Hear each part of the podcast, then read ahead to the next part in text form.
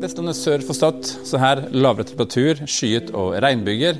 Vestlandet slipper heller ikke unna regn og regnbyger. Lokalt kan det også bli torden, og det kommer inn byger på Sørlandet utover formiddagen. Grå og fuktig morgendag med regn det aller meste av dagen. Tolv grader og regn har vært standarden på Vestlandet gjennom hele sommeren. Likevel når strømprisene nye rekorder for hver uke.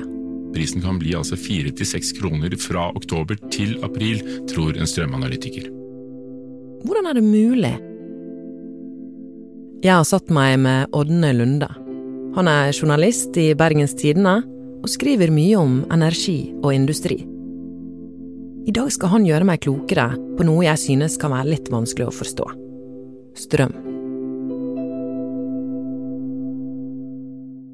De to viktigste grunnene er, ja, det er for det første at det er krig i Europa, og at Russland struper gasstilførselen til Tyskland og de andre europeiske landene.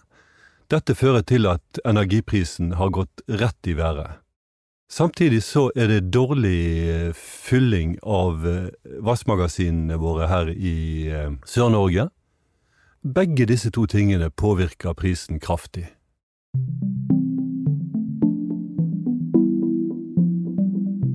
I over 100 år var det politikerne som regulerte strømprisen i Norge. Men i 1990 kom det en ny lov som sa at strømmen skulle bli solgt på det europeiske markedet. Dermed var det tilbud og etterspørsel som gjaldt.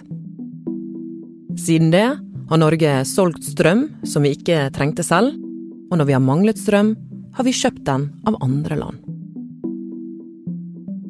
Den største delen av Norges kraftproduksjon kommer fra vannkraft, og blir regnet som en stabil energikilde.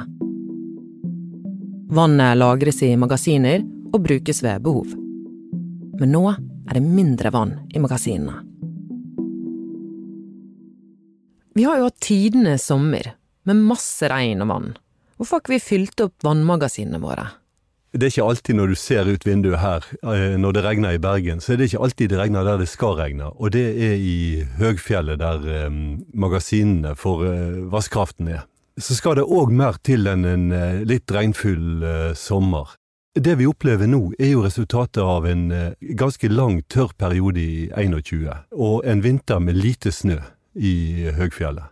Og så hadde vi òg en kald vinter, og det førte til høyt forbruk, samtidig så det kom lite snø, slik at vi fikk lite etterfylling i eh, vassmagasinene. Men vann har flere fordeler. Der resten av Europa har eh, vindkraft som ikke går an å lagre som fornybar kraft, så har vi eh, vann i fjellene og store lagermuligheter i store vannmagasin. Så blir jo den produsert når vi trenger det mest, eller når prisen er høyest. Så hvis det er høy pris i Europa, så vil kraftselskapene òg produsere mer for å selge til god pris. Og så er det jo alltid et lotteri, fordi de produserer kraft og forventer og håper at det skal fylle seg opp igjen.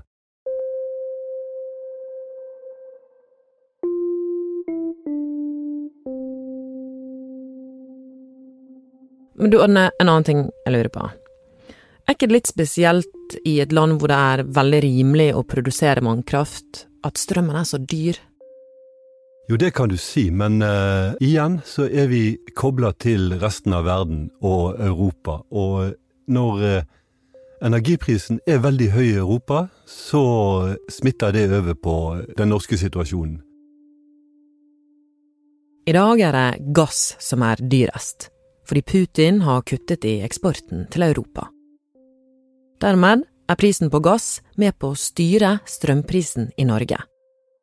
Men også innad i Norge varierer prisene voldsomt. I Høyanger koster strømmen bare tre øre kilowattime. Men gjennom en tunnel på under åtte kilometer er prisen 270. Rett over grensa ligger neste plass. Hvorfor er det så stor forskjell mellom steder? Sant, I Sognefjorden for eksempel, så er det kjempestor prisforskjell som deler kommunen i to. Altså, Norge er delt inn i forskjellige områder. etter hvordan linjenettet er lagt opp. Altså kabler som overfører kraft fra en plass til en annen.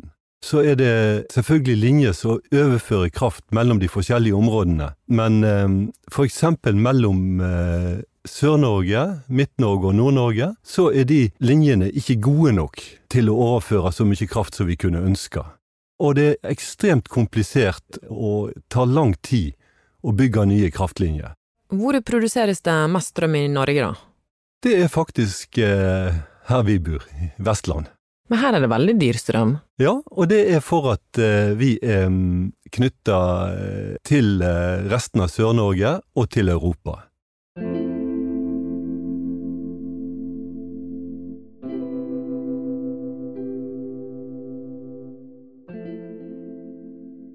Er dette naturtilstanden? Er det sånn vi skal ha det fremover?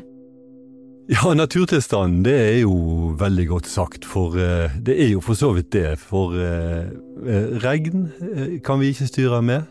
vind kan vi heller ikke styre med. Men selvfølgelig, hvis vi får enorme mengder med nedbør, og store mengder med snø til vinteren, og det er kraftig vind i eh, Tyskland og ellers i Europa, så eh, kan jo dette endre seg. Det som eh, peker mot at dette er den nye tilstanden, er at eh, det er en stor energiknapphet i Europa. Og det vil jo påvirke energiprisene og holde de høye. De fleste eksperter tror at strømprisene i framtida vil være høyere enn det vi har vært vant til så langt.